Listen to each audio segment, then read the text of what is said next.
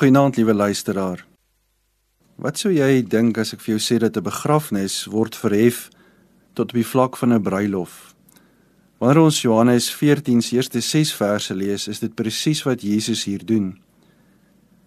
Jesus se disippels sou hierdie woorde anders as ons gehoor het. Ons hoor dit as bemoedigende woorde in tye van hartseer, maar hulle sou dit gehoor het as die Griekse woordeskat wat gebruik is rondom die sluiting van 'n huwelik die hele gedagte in die huis van my vader is daar baie woonplek. As dit nie so was nie, sou ek nie vir julle gesê het ek gaan of julle plek gereed te maak nie. En as ek gegaan het en vir julle plek gereed gemaak het, kom ek terug en sal julle na my toe neem sodat julle ook kan wees waar ek is.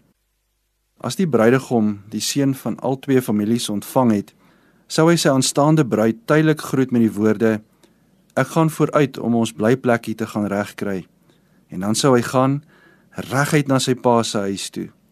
En daar sou hy 'n kamer aanbou, dikwels bo op sy pa se huis, waar hy en sy aanstaande vrou sal kan kom bly.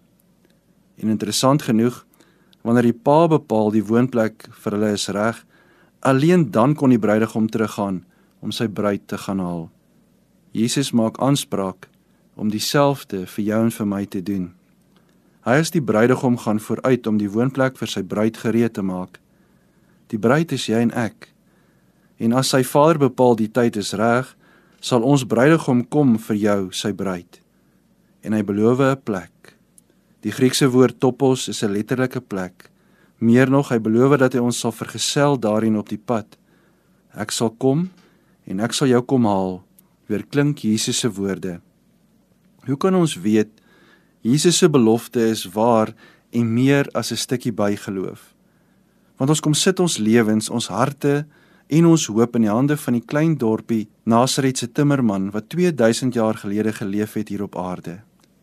Die antwoord op hierdie vraag berus in 'n Jerusalem begrafplaas.